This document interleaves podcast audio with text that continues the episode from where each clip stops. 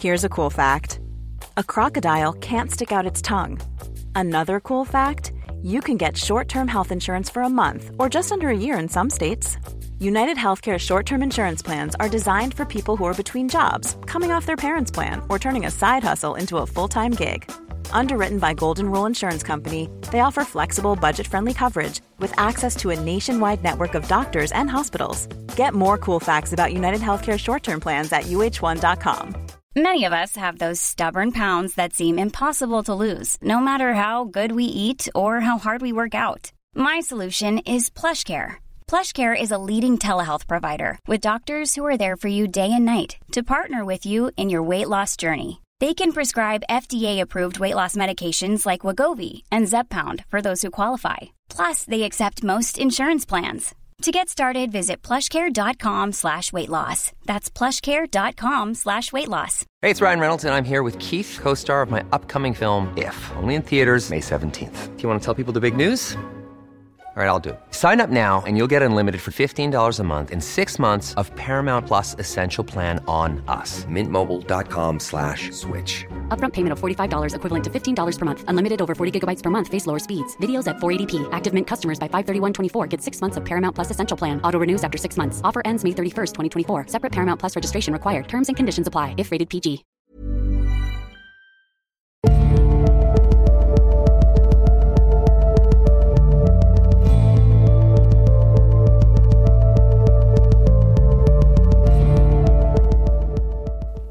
Hei og velkommen til Tåkeprat.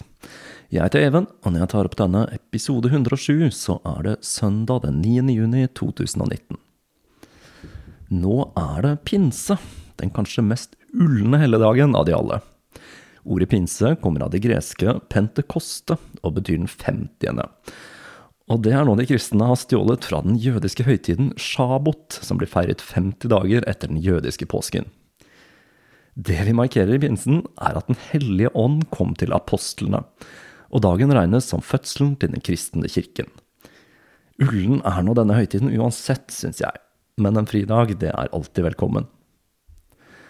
Før sommeren så tenkte jeg skulle plukke opp en av de mange løse trådene jeg har hatt her i Tåkeprat. For det blir ofte sånn når jeg jobber med en serie, at det dukker opp interessante personer og historier jeg gjerne skulle gått nærmere inn på, men som det ikke blir tid til å ta for seg i den serien jeg holder på med og det har blitt ganske mange av disse i årenes løp. Etter å ha tråklet meg gjennom seks episoder med russisk historie, så følte jeg at tiden var inne for å ta for meg et litt lettere tema. Og jeg bestemte meg for igjen å kikke på britisk okkultisme, og en dame som har vært ekstremt viktig for utviklingen til neopaganisme generelt, og Vika spesielt. Doreen Valiente dukket opp i Hekseserien, og mange av dere husker henne sikkert som den som til slutt fikk nok av Gerald Gardner når han begynte å ta litt mot slutten av livet. Doreen var en stund ypperste prestinnen i Geralds Bricketwood Coven, men etter hvert så brøt hun med han for å gå sin egen vei. Men å se på Doreen som et rent produkt av Gerald Gardner er helt feil. Ikke bare raffinerte hun og skrev om mye av Gardners materiale, men hun var også involvert i en rekke andre spennende organisasjoner i løpet av livet. Og jeg har lenge hatt lyst til å kikke litt nærmere på livet til denne damen. Sammen med den vesteuropeiske heksekulten og hekse, så vil dette utgjøre en slags triologi om gjenfødselen til den europeiske heksereligionen i Storbritannia. Nå begynner vi å bevege oss inn i forholdsvis ny historie. Men det gjør ikke det å nøste opp i livet hennes til en enkel affære. For i motsetning til Gardner så var Doreen en svært privat person, og livet hennes er innhyllet i mange myter og mye spekulasjon. Men det er noen ting vi vet sikkert, som eksempel at hun var veldig glad i fotball, og nektet å åpne døra om noen ringte på under VM. Som hovedkilde i denne serien, som blir en kort serie og ikke en mastodont slik som Heksa, så bruker jeg den siste biografien om Doreen, Philip Hasseltons Doreen Valiente Witch. Denne boka gitt ut av stiftelsen Center for Pagan Studies, som annet forvalter Doreens eiendeler, og boka er vel neppe hva som kan kalles objektiv. Men få personer har så inngående kjennskap til Doreens omgangskrets som Hesselton, og hans gravearbeid og bruk av primærkilder gjør at jeg anser denne som det beste utgangspunktet for denne serien. På samme måte som med Gardner så kommer jeg i all hovedsak til å se på de rene biografiske delene av livet hennes. For de av dere som er spesielt interesserte, så kan boka anbefales for å få en dypere innsikt i hennes bidrag til den teologiske biten. Og da tror jeg bare vi kaster oss rundt og starter på historien om mor Vika.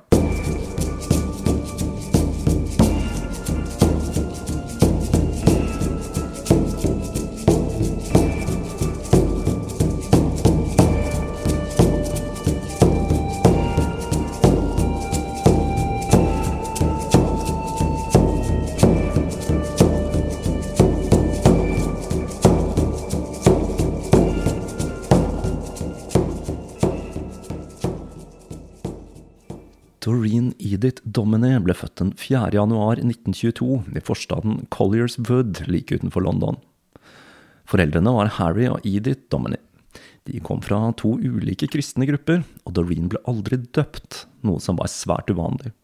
Angivelig fordi moren hadde hatt en disputt med den lokale presten. Doreen beskrev foreldrene som veldig konvensjonelle, og moren var spesielt opptatt av sosial status.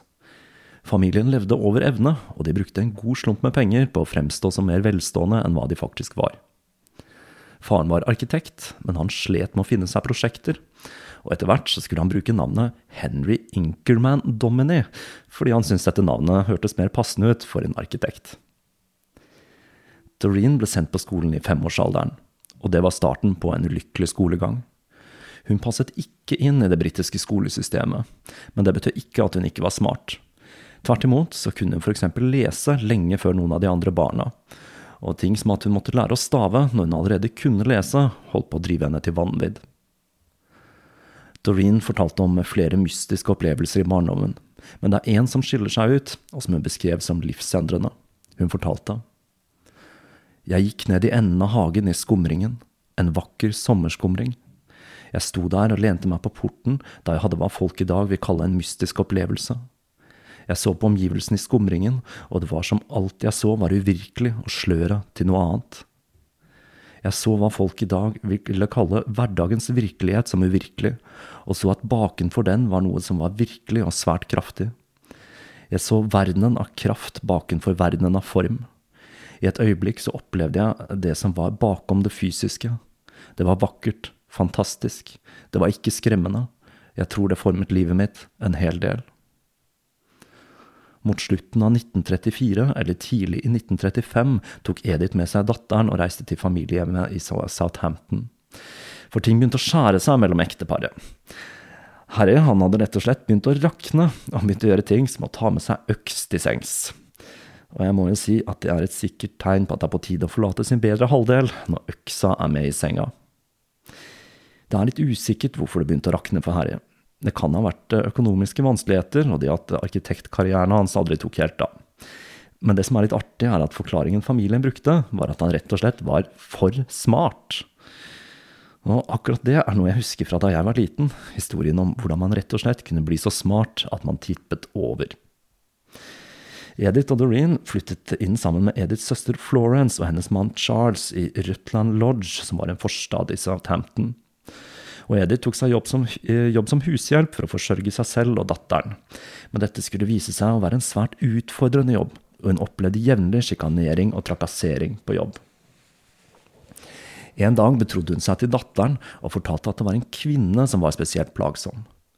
Doreen forteller at hun hadde bedt moren om å få tak i en lokk av håret til den aktuelle kvinnen.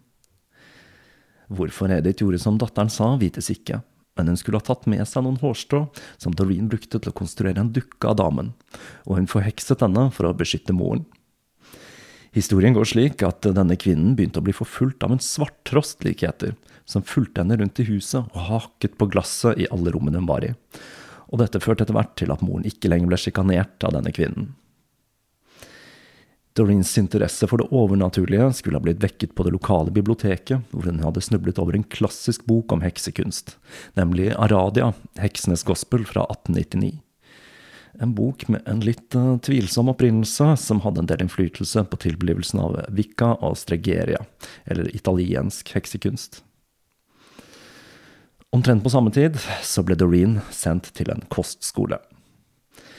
Denne skolen blir beskrevet som en konventskole, og her sliter jeg litt med et godt norsk navn. En katedralskole er tradisjonelt en skole som er tilknyttet en katedral eller en stor kirke. Og da går jeg ut ifra at en klosterskole er en skole tilknyttet et kloster. Og da kan vi vel regne med at lærerne, de var nonner. Uansett så var ikke dette noen god match for Doreen, som beskrev perioden som den verste tiden i hennes liv.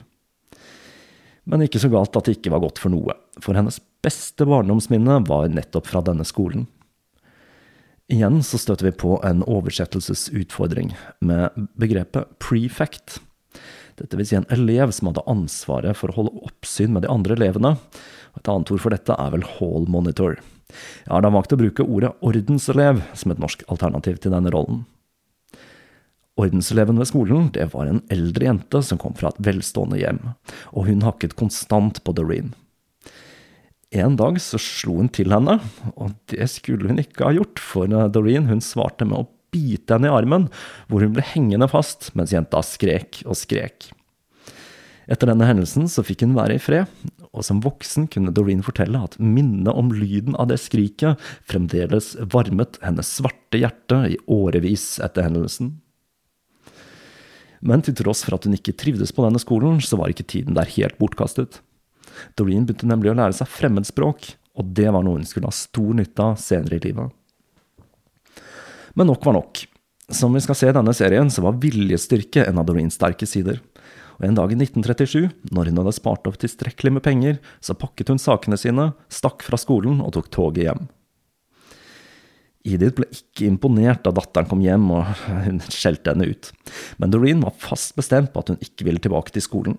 Hun ville gå på Kunstakademia, men foreldrene ville ikke støtte henne økonomisk så hun kunne gjøre dette.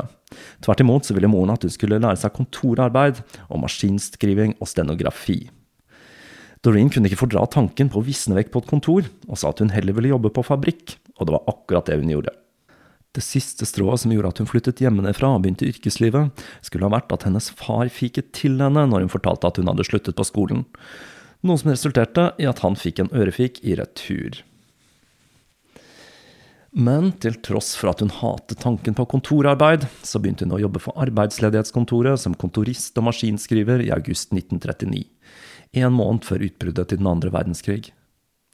Det samme året flyttet moren og faren sammen igjen, mest sannsynlig fordi faren var syk, for han døde året etter av kreft i bukspyttkjertelen, den samme sykdommen Doreen skulle dø av 60 år senere. Allerede så ser vi en likhet mellom Doreen, Jack Parsons og Gerald Garner. Alle manglet formell utdannelse i varierende grad. Doreen så på den manglende formelle utdannelsen som en fordel og noe som muliggjorde fri tenkning uten restriksjonene til akademia. Krigen brøt altså ut. Det er ganske fascinerende hvor mange okkultister som på en eller annen måte var innblandet i krigen. I tillegg til nazistene selv, som leflet med det okkulte, så var det også mange på alliert side. Crowley var, iallfall kanskje, tilknyttet britisk etterretning, noe jeg nok skal se litt nærmere på i en annen episode. Jack Parsons utviklet de første rakettmotorene som ble brukt i krigen. Og Gerald Gardner startet altså sitt eget borgervern og hadde dette berømte ritualet for å stoppe en tysk invasjon. Og Doreen hun gjorde også en innsats i krigen. Men nøyaktig hva hun drev med, det vil vi aldri få vite, for hun jobbet for britisk etterretning med kodeknekking. Noe som for øvrig gir oss enda en tåkepratreferanse til serien om det mystiske eh, Voynich-manuskriptet, som fascinerte mange av de samme menneskene som var involvert i å knekke koder under krigen. Det var trolig det at hun var god med språk og kunne stenografi som gjorde at hun fikk en jobb i Bletchley Park i Buckinghamshire, et anlegg som ble brukt til desifrering av fiendtlige kodede meldinger. I arkivet til Bletchley Park så står hun oppført med stillingen Foreign Office Civilian Temporary Senior Assistant Officer, og hovedoppgaven hennes det var oversetting. Jobben besto mest sannsynlig av å oversette ferdige dekodede meldinger fra tysk til engelsk. Samtidig som hun jobbet for den britiske etterretningen, så fant hun kjærligheten.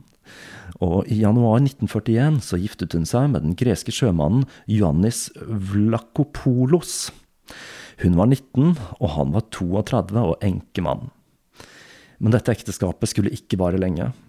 Johannes tilbrakte det meste av ekteskapet i tjeneste på havet, og mindre enn fem måneder etter de hadde giftet seg, den 13. juni 1941, ble skipet han tjenestegjorde på torpedert av en tysk ubåt, og Johannes druknet. Hun fortsatte å tjenestegjøre for britisk etterretning, og samtidig som de allierte planla D-dagen, så skulle hun igjen treffe en mann. Denne gangen en spanjol, Casimoro Valiente. Casimoro hadde tjenestegjort i den republikanske hæren før han ble tatt til fange av styrkene til Franco i 1939. Han hadde klart å rømme, og så bestemte han seg for å tjenestegjøre i Fremmedlegionen. I januar 1940 så ble han sendt til Finland for å kjempe for finsk uavhengighet, og i mars 1940 ble brigaden hans sendt til Norge for å hjelpe til mot den tyske invasjonen i Narvik. Casimoro ble skadet og evakuert til England, hvor han fikk arbeidstillatelse og begynte å jobbe som kokk. I mars 1944 så flyttet de to sammen, og Doreen fikk seg en ny jobb som stenograf for Messers JV Rushton Limited, som produserte deler til flyindustrien.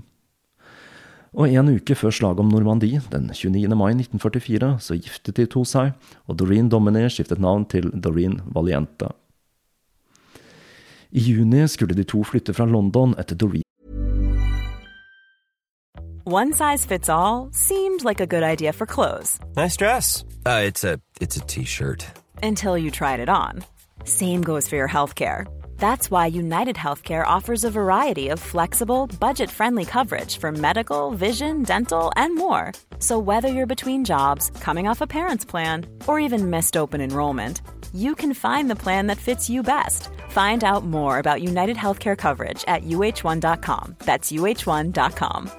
If you thought the only way to get a more defined jawline with natural looking results was through surgery, think again. Juvederm Volux XC is a non surgical injectable gel filler that improves moderate to severe loss of jawline definition and can help you achieve natural looking results with little downtime. Even better, this improved definition lasts up to one year with optimal treatment. No maintenance required. Improve jawline definition for a smooth, sculpted look with Juvederm Volux XC. For important safety information and to find a licensed specialist, visit juvederm.com. That's J U V E D E R M.com. Not for people with severe allergic reactions, allergies to lidocaine, or the proteins used in Juvederm. Common side effects include injection site redness, swelling, pain, tenderness, firmness, lumps, bumps, bruising, discoloration, or itching. There's a risk of unintentional injection into a blood vessel, which can cause vision abnormalities, blindness, stroke, temporary scabs, or scarring. Talk to a licensed specialist to find out if it's right for you. Hun hadde hatt en illevarslende drøm. Hun hadde drømt at Tyskland skulle begynne å bombe byen den 13., og dette skulle vise seg å være profetisk, for den 13. juni sendte Tyskland den første V1-raketten mot London. De to flyttet til Bournemouth, hvor Casimoro fikk seg jobb på en kafé, og Doreen begynte å jobbe for en møbelsnekker. Det var i denne perioden Doreen begynte å undres om det fantes noe mer enn bare det materielle i livet. Etter kostskolen hadde Doreen erklært seg selv ateist, men drømmen om bombingen av London gjorde at hun undres på om det fantes mer mellom himmel og jord, og hun begynte å studere det okkulte.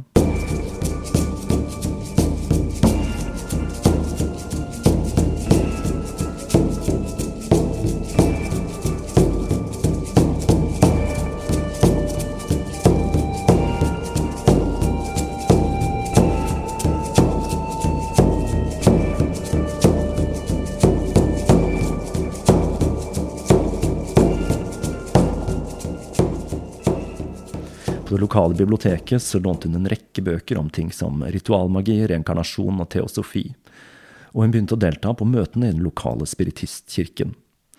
Som vi husker fra tidligere episoder, inkludert serien om Gardner, så dukket disse spiritistkirkene opp som paddehatter i denne perioden. Doreen likte skriveriene til madame Blavatsky, men hun var ikke imponert over hvor teosofien befant seg i samtiden, og omtalte bevegelsen som en kult for gamle kvinner av begge kjønn. av annen litteratur som var med å forme Doreen, finner vi annet Dion Fortunes The Mystical Kabbalah, og ikke minst Crowleys Magic and Theory and Practice. Dion Fortune er for øvrig en annen spennende figur i en vestlig esoterisk tradisjon, og hennes Mystical Kabbalah ble lenge regnet som en av de beste innføringene i klassisk Kabbalah. I 1952 så skjedde noe som skulle få fart på praksisen til Doreen.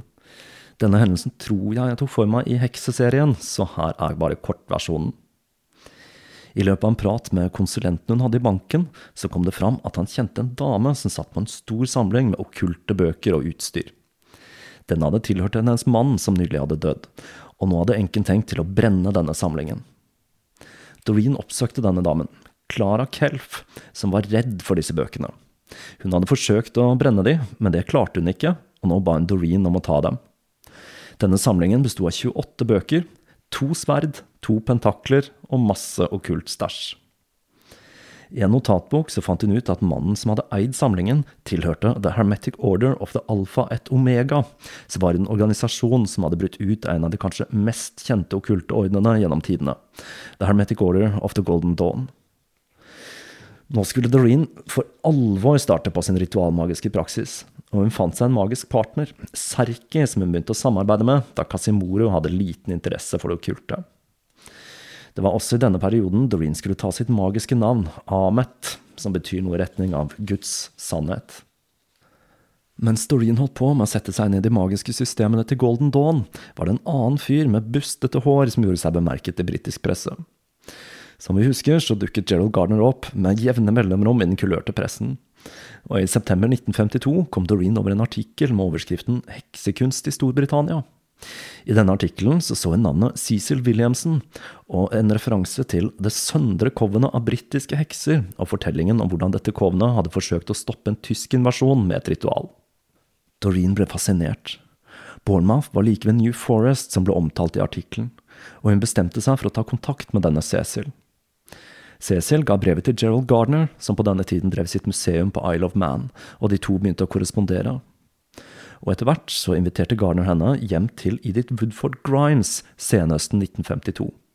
Som vi husker, så var det Edith som initierte Gardner inn i heksekulten. Edith hadde begynt å trekke seg mer og mer vekk fra praksisen, da hun var redd for at det kunne bli litt baluba om det ble kjent at hun var en praktiserende heks, siden hun var lærer. Doreen fikk et godt inntrykk av de to, og når hun skulle gå, så fikk hun en kopi av Geralds bok Høymagiens hjelper, en bok han delte ut til potensielle kandidater for å se hvordan de reagerte på ting som nakenhet og pisking. Dette var en tidlig i Garners karriere, og før han begynte å initiere folk i hytt og vær, så det skulle gå et helt år før Doreen skulle bli initiert av Garner. Dette skjedde midtsommeren 1953, og de tre deltok også på det årlige druideritualet i Stonehenge. Moren til Doreen var nemlig svært skeptisk til det okkulte, men ikke til druidene. Som vi husker fra druideepisoden, så var disse britiske druidelosjene noe som til forveksling kan minne om frimurere, og det drev med ulike typer veldedighetsarbeid. Så mor syntes det var helt innafor at datteren deltok på et av disse ritene. Og med det så ble Doreen en del av covenet til Gerald Gardner. Som vi husker, så hadde dette base i Heksehytta, som egentlig var en gammel eplebutikk Garner hadde kjøpt fra et folkemuseum og gjenreist på tomta til Five Acres naturistklubb. Doreens magiske partner, partner Serkai skulle slutte med praksisen i denne perioden, da han hadde hatt en svært ubehagelig opplevelse under et ritual. Doreen fikk raskt oppgaven med å skrive ritualet for gruppen, men det var ikke alt hun ble like imponert over. Når hun hadde fått tilgang til Geralds skyggebok, så oppdaget hun at store deler av teksten var kopiert fra andre kilder, annet Crowley, og at dette slett ikke dreide seg om en gammel tekst som hadde blitt nedarvet i generasjoner. Garner fortalte at dette skyldtes at han ikke husket at han hadde blitt lært når han hadde blitt initiert i New Forest, og at han hadde vært nødt til å supplere med andre kilder. Doreen sa at til tross for at hun likte poesien til Crowley, så var materialet så Crowley-tungt at folk ville tro at Gardners gruppe kun var en gren av OTO. Og med det så begynte hun å skrive om på ritualene, og med tider og stunder så skulle hun skrive om så å si hele Gardners skyggebok. Doreen ble raskt en svært viktig person i Geralds Coven. I tillegg til å være hans ypperste prestinne, så var hun i praksis hans sekretær. Og som vi husker fra hekseserien, så finner vi spor etter Doreen Sonn i Gardners Betydningen til heksekunst, som er oppfølgeren til den klassiske heksekunst i dag. Men eh, så skulle ting skjære seg. I 1956 så flyttet Doreen og Casimoro til Brighton, en by som skulle forbli hennes hjemplass resten av livet. Når Doreen og mannen holdt på å flytte, så gjorde Gardner et stunt. Han bestemte seg for å initiere Jack Braceland og kjæresten hans Dionis uten Doreens godkjenning. Han visste nok at hun ikke ville være så veldig begeistret for dette, så han fikk Barbara Vickers, som var hans første initierte, til å påta seg rollen som ypperste prestinne, mens Doreen var opptatt med å flytte. Dette falt ikke i god jord hos Doreen, og stuntet førte til at det ble en splittelse i Kovna, og hun og to andre, Ned og Derek, dannet sin egen gruppe og begynte å praktisere på egen hånd. Som om det ikke var nok at Gardner initierte personer uten godkjennelse fra Doreen, så figurerte han til stadighet i den kulørte pressen, og dette begynte å gå henne på nervene. Og i juli 1957 så sendte hun og Ned dette skrivet 'Foreslåtte regler for praksisen', som jeg tok for meg hekse. For de som ikke har hørt den serien, så er dette en liste med regler som åpenbart var tuftet på Gardner. Her finner vi ting som at personer ikke kan innvies uten at Kovna er enig i at de er egnet, at man ikke kan skrive om på liturgien uten godkjennelse av de eldste Kovna, og at disse reglene gjelder for alle, uansett status eller grad. Men da Gardner fikk denne lista med regler, så kunne han fortelle at denne var helt unødvendig. Det fantes nemlig en slik liste med regler allerede, de såkalte gamle reglene. Og så sendte han denne lista til Doreen og Ned. Denne mystiske regellista, som ingen hadde sett før, hadde bl.a. en regel der det sto at Covenes ypperste prestinne måtte fratre sitt verv om det dukket opp en ung kvinne som var bedre egnet i rollen. Kort fortalt så ble ikke Doreen så veldig imponert over denne lista.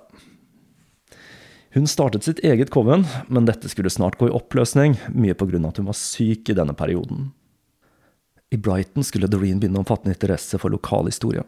Sussex skal nemlig ha vært den siste delen av England som ble kristnet, og stedet der de gamle hedenske religionene holdt stand lengst.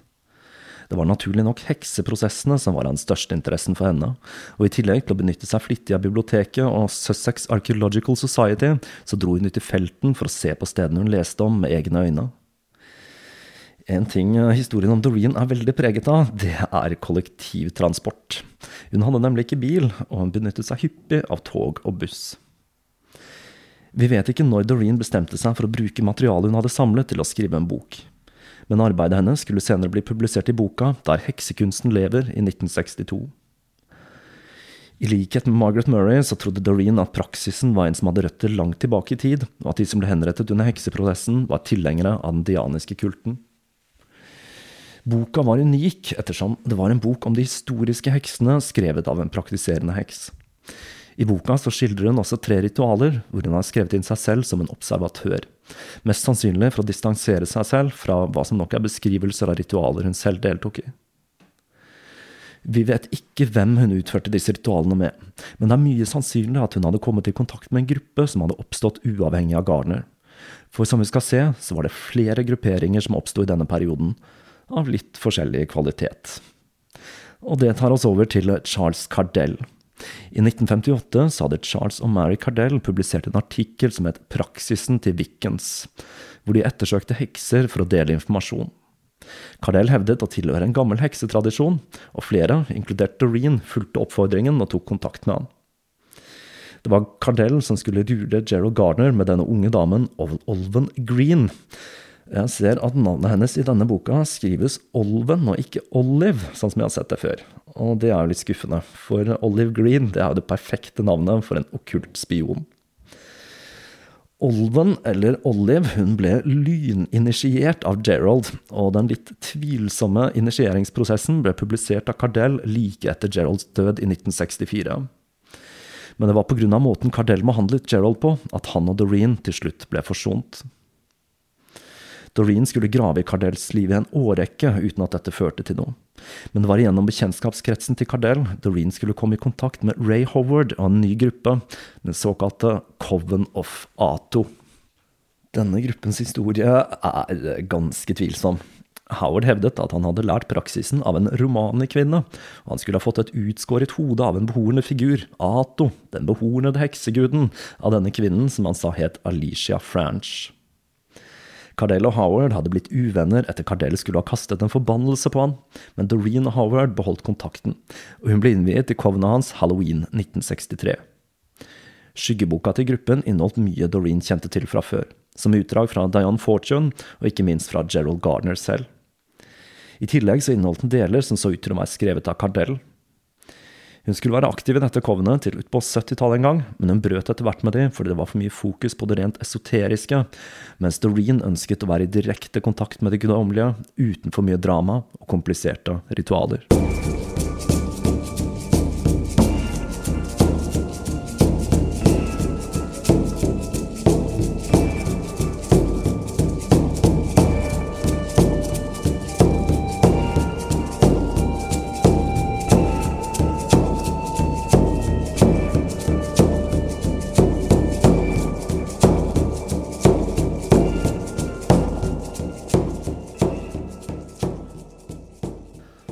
Der avslutter vi denne delen i serien om Doreen Valiente. Vi kan jo allerede se at Doreen var en svært driftig dame, og at hun var med på å skrive liturgien til Vikka sammen med Gerald Gardner. En av de tingene som er kult med denne historien, er at Doreen var aktiv i flere ulike grupperinger, som denne Coven of Ato, og i neste episode skal vi se litt nærmere på en annen av disse gruppene hun var med i, The Clan of Tubal Kane, som nok var litt mer i den leia hun var ute etter. Som jeg sa innledningsvis, så blir dette en litt lettere serie, og jeg sikter meg inn på én eller kanskje to episoder til, litt avhengig av hva jeg føler jeg burde ta med i denne serien. Dette blir nok den siste serien før sommeren, men det kan tenkes at jeg klarer å klemme inn en enkeltstående episode i tillegg. Men vi får se hva det blir til. Uansett så føler jeg at det er noe sommerlig med Doreen Valiente, og at hun er en verdig avslutning på vårens serie med episoder. Fram til neste gang så vil jeg gjerne oppfordre til å følge Tåkeprat i sosiale medier, gi en god rating, bli en patrion og tips en venn.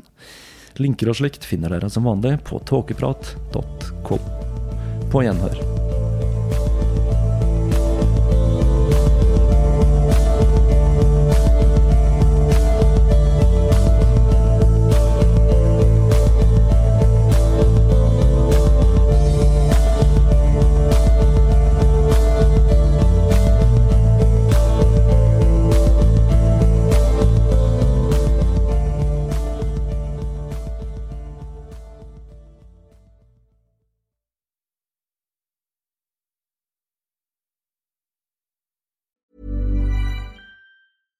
Even when we're on a budget, we still deserve nice things.